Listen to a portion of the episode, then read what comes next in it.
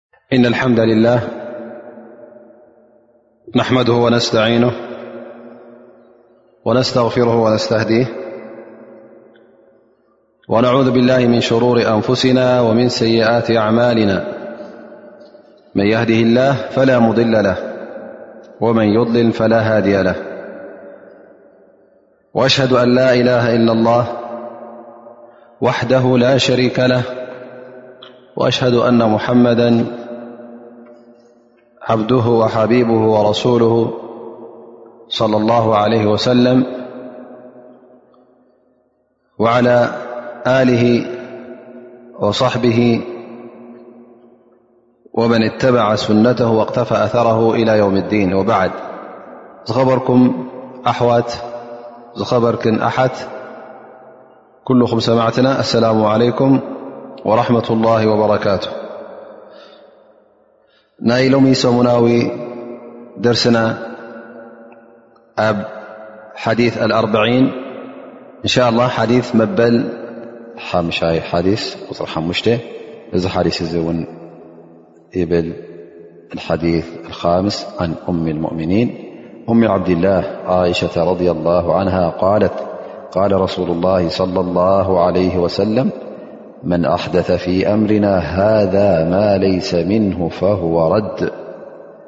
ወፊ ርዋያ መን ዓሚለ ዓመላ ለይሰ ዓለይህ ኣምሩና ፈህወ ረድ ሓዲ ይሻ ረ ላ ን ይሻ ዘመሓላለፈቶ ካብ ነቢ ሙሓመድ ለ ላ ለ ወሰለም ዘመሓላለፈቶ ሓዲ እዩ ይብል ይብ ነቢና ሓመድ ለ ላ ለ ሰለም ኣብዚ ዲና እዚ ሓድሽ ነገር ዘእተወ ካብኡ ዘይኮነ ሓድሽ ነገር ዘእተወሉ እዚ ቅቡል ኣይኮነን እንታይ ደኣ ንፁግ እዩ ይብሉ ማለት እዩ وي روية خت من عمل عملا ይ ن ኣبت دና زل ر بعل ሓش ر ዝገበረ قبل يكن نق እዩ يبل النب صلى الله عليه وسلم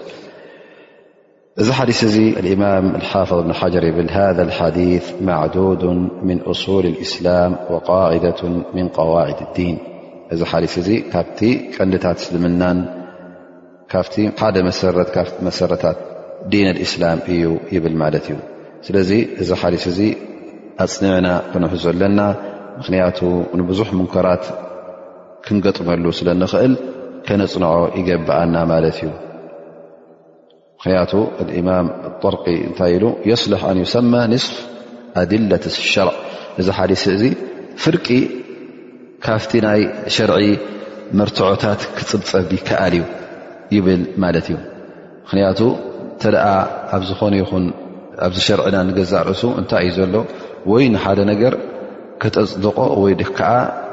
ክትነፅጎ እዩ እዚ ሓዲስ እዚ ከዓ ኣብ ምንጻግን ኣብ ምጽባቕን ናይ ሸርዒ ኢኻ ኣብ ክልቲኡ ክትጥቀመሉ ትኽእል ኢኻ እዚ ሓዲስ እዚ ቀዳማይ ነጥቢ ወይ ከዓ ሓፈሻዊ ነጥቢ ሒዝዎ ዘሎ እንታይ ማለት እዩ ኣብዚ ዲን ሲ ኣብቲ ዲን እስልምና ሕደሳ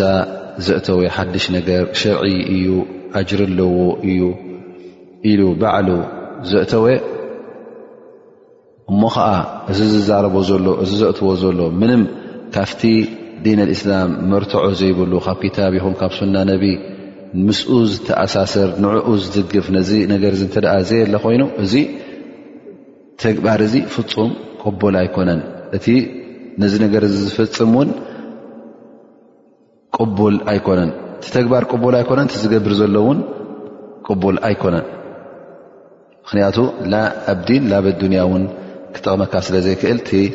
ኣላ ስብሓን ወተላ ዝሸረዖ ነቢና ሓመድ ስ ሰለም ዝነገሩና ንሱ እዩ እቲ ዲን ዳኣ እምበር ባዕልኻ ዲን ክትምህዝ ፍፁም ኣይፍቀደካን እዩ ዘይናቱ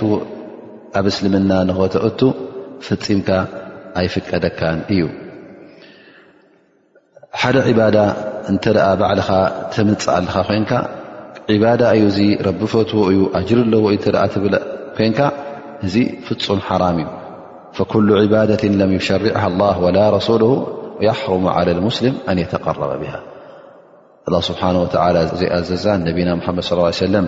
ዘይበልዋን ዒባዳ ኢልካ ክትኣምነላ ብኡ ጌርካ እውን ዒባዳ ክትገብር እዚ ፍፁም ሓራም ዝኾነ ነገር እዩ እዚ እውን ዓብዪ ጌጋ እዩ ካብቲ ምዝ ሓዲስ እዚ ዝተኣሳሰር ድማ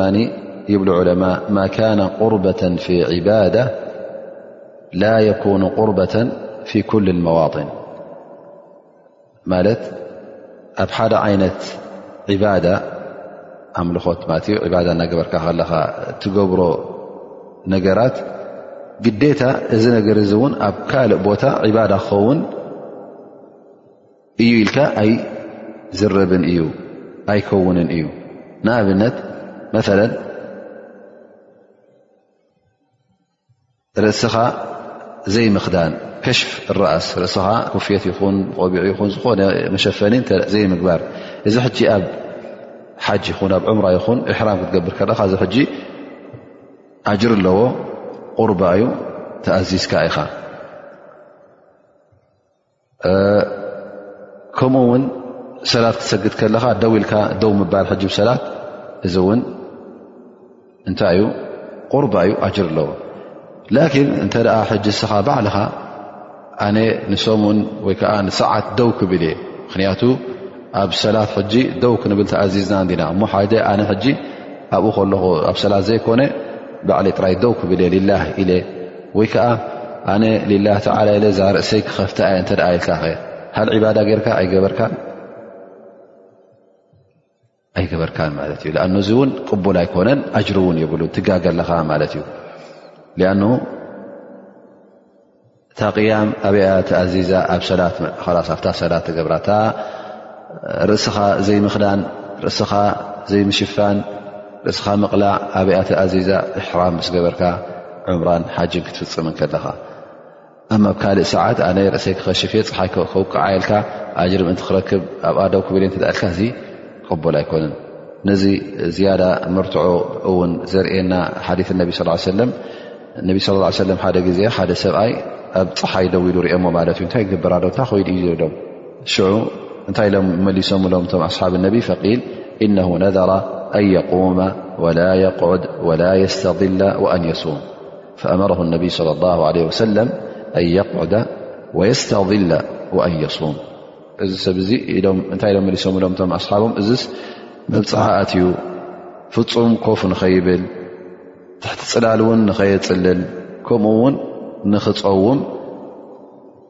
መብፅዓ ስለ ዝኣተወ እዩ ከምዚ ገይሩ ዘሎ ኢሎሞ ፈነቢ ስለ ላ ሰለም እንታይ ኢሎም እዚ ሰብ እዚ እጋገሎ ኪዱ ኮፍ በል በልዎ ኣፅልል በልዎ ግን እታ ስያም ናቱ ይቐፅላ እንታይ ዘርእየና ሕጂ እነቢ ስ ሰለም እታ ፆም ኣብ ሸርዒ እስልምና ዘላ ግን ካብ ፀሓይ ምውቃዕ ወይ ከዓ ደው ምባል ኣብ ሓደ ቦታ እዚ እዙዝ ኣይኮነን ሕደሳ እዩ ዝበሃል ቅቡል እውን ኣይኮነን ኣብ ሸርዒ እስልምና ኣሎ ድማ ገለ ሰባት ሕደሳ ዘእትዉ ኣብቲ ሸርዒ ኣብ ዲን እቲ ዘእትውዎ ድማ ኣብ ካል ዕባዳ ዝርከብ ኣይኮነን እንታይ ደኣ ፍፁም ካብ ዕባዳ ወፃኢ ዝኾነ ተራእዩ ዘይፈልጥ ኣብቲ ሸርዒ እስልምና ማለት ወይ ከም ሙንከር እውን ይኸውን ኣላ ስብሓን ወተላ ወይ ነቢ ስ ሰለም ዝኸልከልዎ ይኸውን ሕጂ እሶም ከም ብሓድሽ ከም ኣብ ሸርዒ ዘሎ ከም ኣጅሪ ዘለዎ ገይሮም የቕርብዎ ማለት እዩ እሱ ከዓ ከም ምንታይ ኢሎም የምፅ ከምዚ መላሂ ማለት ሙዚቃን ከበሮን ጌርካ ካልእ ዓይነት ናይ ሙዚቃ ብዙ ብቢዓይነቱ መሳርሕቲ ጌርካ ብሳዕስዒትን ብካልእ ተግባራትን ዒባዳ ኢልካ ነዚ ነገር እዚ ክትፍፅም ከለኻ እዚ ሕጂ ትዝበኣሰ ይኸውን ማለት እዩ ክልተ ነገራት ብሓደ ማለት ክልተ ነገራት ኣላ ስብሓን ወተዓላ ዘይፈትወን ጌርካ ማለት እዩ ቀዳማይ ነገር እቲ ትገብሮ ዘለኻ ሙሓረም እዩ ሳዕስዒት ኮይኑ ወይ ከዓ ናይ ሙዚቃ መሳርሒ ተጠቒምካ ደርፍን ካልእ ዓይነትን ክትፍፅም ከለኻ ኣብ ርእሲኡ እዚ ሙሓረም ከሎ ዳሕራይ እውን ኣጅሪ ኣለዎ ኢልካ ከም ዒባዳ ከተቕርቦ ከለኻ እቲ ካልኣይ ዘንቢ ይኸውን ማለት እዩ ዛሊክ እዚ ሕጂ እቲ ዝበእሰን ዝኸፍአን ይኸውን ማለት እዩ ዲን ክኸውን ከሎ ዲን ዘይኮነ እዚ ቅቡል ኣይኮነን ኣላ ስብሓን ወተላ እውን ኣይቅበሎን እዩ እቲ ኣብዚ ጉዳይ እዚ እውን ዘስግኣካ እንታይ ኣሎ ማለት እዩ እቲ ዲን ኢልካ እትኣምነሉ ቢድዓ እንከሎ ዘይቀበሉ እንከሎ ካብዚ ነገር እዚ ንድሕር ንኽትብል ኣይትርከብን ኢኻ ምክንያቱ እንታይ ኮንካ ካ ዝስምዓካ ኣብ ዲን ዘለካ ኮንካ ዝስምዓካ ذ ነቢ ስ ሰለ የል እና ላ ሓጀበ ተውበታ ዓን ኩል صሒብ ቢድዓ ሓታ የድዓ ቢድዓታ ኣላ ስብሓን ወተላ ካብ በዓል ቢድዓ ቢድዓ ዝፍፅም ሰብ ተውባ ከልኪልዋ እዩ ክሳዕ እታ ዘለዋ ቢድዓ ዝገድፍ ስለዚ ካብቲ ንቶባ ዝእግደካን ዝኸልኣካን ካብ ቶባ ዘርሐቐካን ሓደ እንታይ እዩ ቢድዓ ክትገብር ከለኻ ኣብ ዲን ኣልእስላም እቲ ዲንካ ዘይተባህለን ዘይተኣዘዘን ባዕልኻ ከም ዲን ክትጥቀመሉ ከለኻ እዚ እነልካ ደኣሲ ቢድዓ ስለ ዝኾነ ካብ ቶባ ይርሕቐካ እዩ ከምኡ ውን ሓደ ነገር ወላ መሽሩዕ እንከሎ እዙዝ እንከሎ ውን ከምኡ ተመሳሳሊ ክትውስኸሉ እውን ኣይፍቀደካን እዩ ኣዝያዳ ዓለ ዓመል መሽሩዕ ንኣብነት ኣላ ስብሓን ወተዓላ ሕጂ ዙህሪ ክንሰግድ እንተ ኮይኑ ኣርባዕተ ረክዓ ክንሰግድ ኣዚዙና ሱብሒ ክልተ ረክዓ ክንሰግድ ተኣዚዙና እዚ ተግባር እዚ ሕጂ ሰናይ ተግባር ሰላት ሰናይ ተግባር ከም ምኳኑ ዘማትእ ነገር ኣይኮነ ዝሰሓሕብ ኣይኮነ ኩላህና ንኣምነሉ ኢና ላኪን ኣርባዕተ ረክዓ ዝነበረት እሞ ኣነስ ብዝያዳ ንኣላ ስብሓን ወተላ ኣምልኾት ዒባዳ ክገብረሉ ሓሙሸይቲ ክውስኸላ የ ሻድሸይቲ ክውስኸላ እ እተካ ሰላት ዝሆር ካብ ኣርባዕተ ወይ ስብሒ ኣብ ክንዲ ክልተ ኣነስ ንግሆ ንግሆ ነሻጥ ኣለኒ እቲ ነፍሰይ ፅቡቕ ዩ ዝስምዓኒ እሞኒ ኣብ ክንዲ ክልተ ዝሰግድ ኣርባዕተ ሓሙሽተ ክገብሮ ዩ እተ ኢልካ እንታይ ይኸውን ሕጂ እዚ ነገር እዚ ነቲ ትሰግዶ ዘለኻ ሰላት ንዕኡ የብክኖን ባጥል ይገብሮን እዩ ኮንቱ ትሰግድ ሰላትካ ሕጂ ቅቡል ኣይኮነን በቲ ሓድሽ ነገር ቢድ ዓምፅእካ ማለት እዩ እታ ሰላት ኩላ ትፈርሰካ እያ ስለዚ እዚ እውን ክንድንቀቕ ኣለና ማለት እዩ ዘይናቱ ወላ እውን ፅቡቕ ተግባር እንተኾነ እውን ኣብዘይ እዋኑን ኣብዘይ ቦትኡን ክትገብሮ ከለኻ ወይ ከዓ ምስቲ ተኣዘዝካዮ ዝያዳ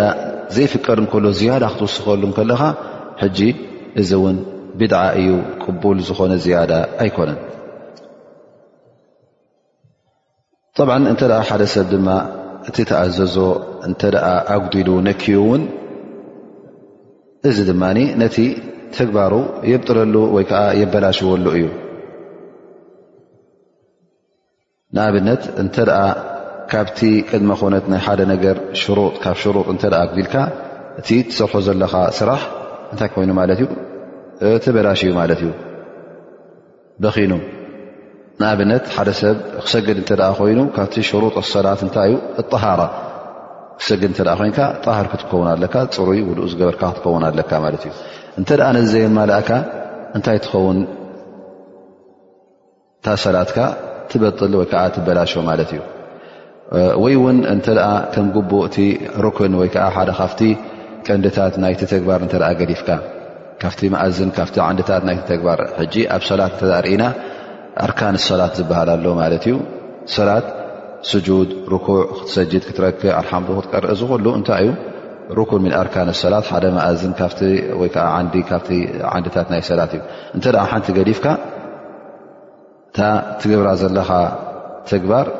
በጢላ ወይ ከዓ ተበላሽያ ማለት እዩ ኣሎ ድማ ገለገለ እንተ ደኣ ገሪፍካዮ እቲ ሰላት ወይ ከዓ እቲ ተግባር ኩሉ ኣይበጥልን ኣይበላሸን እዩ ግን ተኣጅርናት ውን ይጎድለካ ንኣብነት ሕጂ ሰላት ጀማዓ እተ ኣብ መስጊድ ደይ ሰገድካያ ምስቶም ጀማዓ ግን እታ ሰላት ኣብ ገዛኻ እተ ሰጊድካያ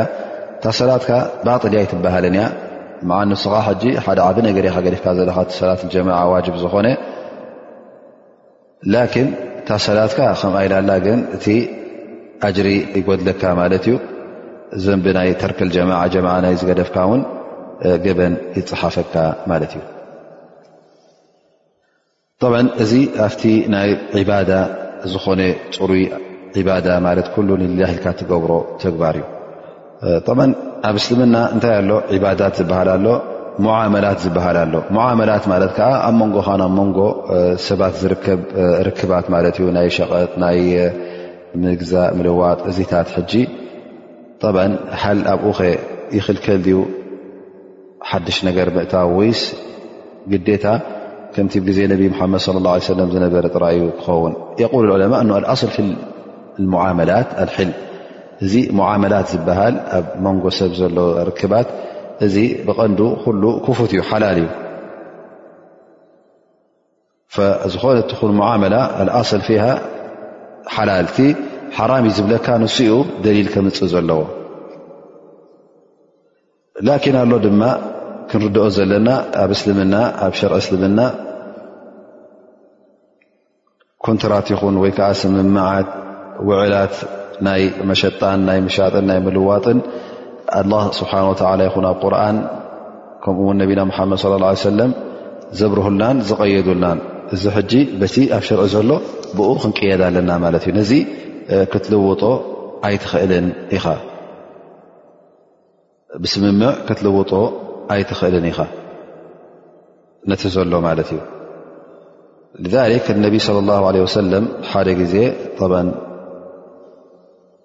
ሓደ ኣስሓቢ መፅዎ ማለት እዩ ካብቶም ኣስሓብ ነቢ እሞ ከዓ ብዛዕባ ናይ ዘመወ መቕፃዕቲ እዩ ነይሩ ማለት እዩ ሕጂ እቶም ክልተ ሰባት ማለት ነቲ ጉዳይ ብስምምዕ ክጭርስዎ ደልዮም ላኪን ኣብ መጨረሻ ታይ ሰሚዑ እቲ ሓደ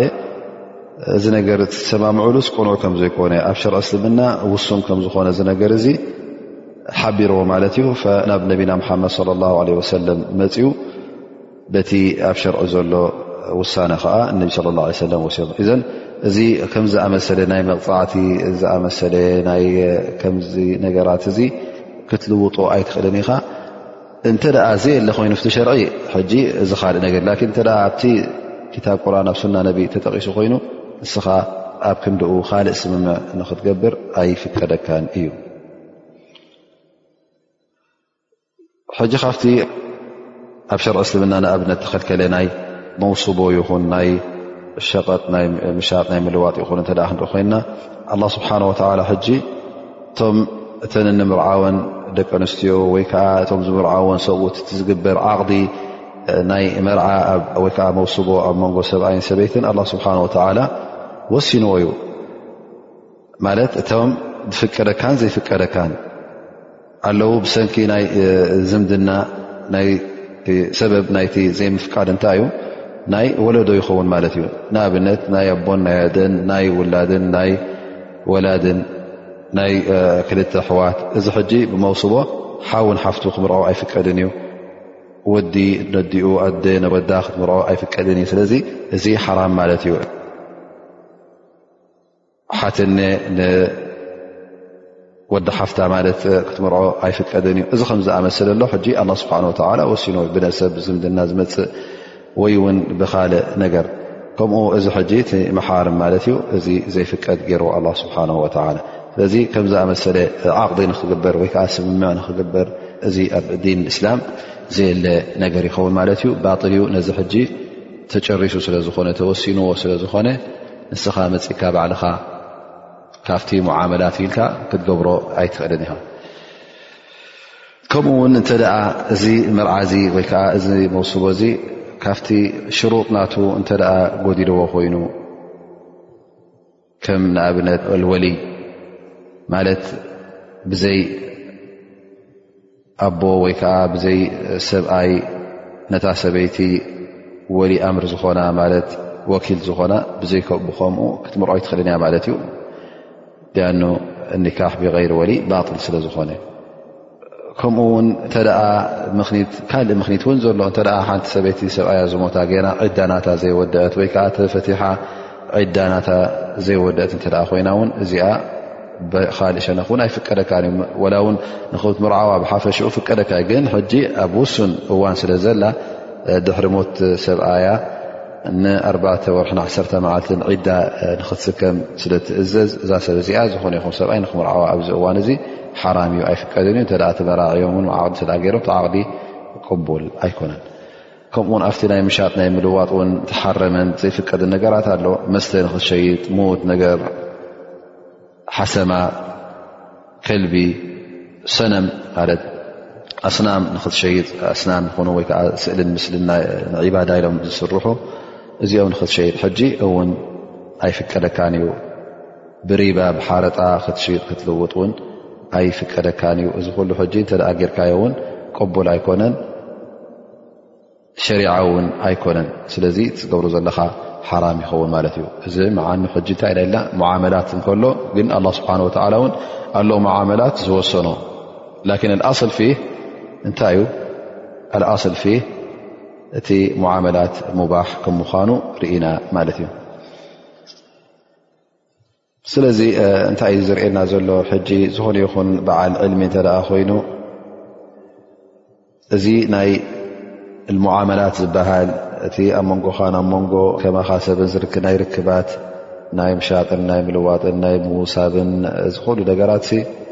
ኣላ ስብሓን ወተዓላ ዝወሰኖ ነገራት ኩሉ በቲ ኣላ ስብሓን ወተላ ዝወሰነልካ ክትከይዳ ኣለካ ማለት እዩ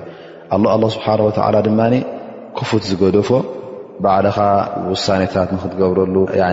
ከም ስምምዓትካ ንክትገብረሉ ዝፈነዎ እውን ኣላ ስብሓን ወተላ ኣሎ ማለት እዩ ላኪን ኣልኣስል ማለት ብቐንዱ ብኩሉ እቲ ናይ ሞዓመላት ኣላ ስብሓን ወተላ ኣልኣስል ፊ ኣልኢባሓ ገይርዎ ማለት እዩ እቲ ደገር ፍንው ገይርዎ ተን ውሱናት ተን ኣላ ስብሓን ወተዓላ ሓላልን ሓራምን እዩ ዝወሰነልና ብናይ ሙዓመላት ኣብ ናይ ርክባት ሰብ ስን ውሑዳት እየን ላኪን መብዝሕቱ እቲ ጉዳይ ክፉት እዩ ማለት እዩ እዚ ሓዲስ እዚ እውን እታይ እንወስደሉ እዚ ዲን እዚ እዚ ዲን እስልምናስ ብቐንዱ ሙሉእ ዘይጉዱል ከም ምዃኑ ወየቁል ስብሓን ወተላ ኣልየውመ ኣክመልቱ ለኩም ዲነኩም ወኣትመምቱ ዓለይኩም ኒዕመቲ ወረዲቱ ለኩም ልእስላመ ዲና እዘ እዚ እስልምና እዚ ሙሉእ ዘይጉዱል እዩ ካባና ሓድሽ ምህዞ ኣየድልዮን እዩ እቲ ዕባዳ ኩሉ ከመይ ጌርና ንጎይታ ንኣላ ስብሓን ወተላ ከም እንግዝኦ ከመይ ጌርና እቲ ዕባዳና እቲ ኣምልኾትና ንፍፅም ኣላ ስብሓን ወተላ ከምኡውን ነቢና ሙሓመድ ለ ላ ለ ወሰለም ኩሉ ተንቲኖም ኣብሪሆምልና እዮም ስለዚ ባዕልና እንውስኮ ነገር የለን ሕና እቲ ተኣዘዝናዮ ጥራይ ኣብ ግብሪ ከነውዕል ንዑ ንክንፍፅም ጥራይ ዘለና ዳኣ እምበር ባዕልና ሕደሳ ነገር ከነእቱ ኣይፍቀደናን እዩ ትዲና ሙሉእ ዘይጎዱል ስለ ዝኾነ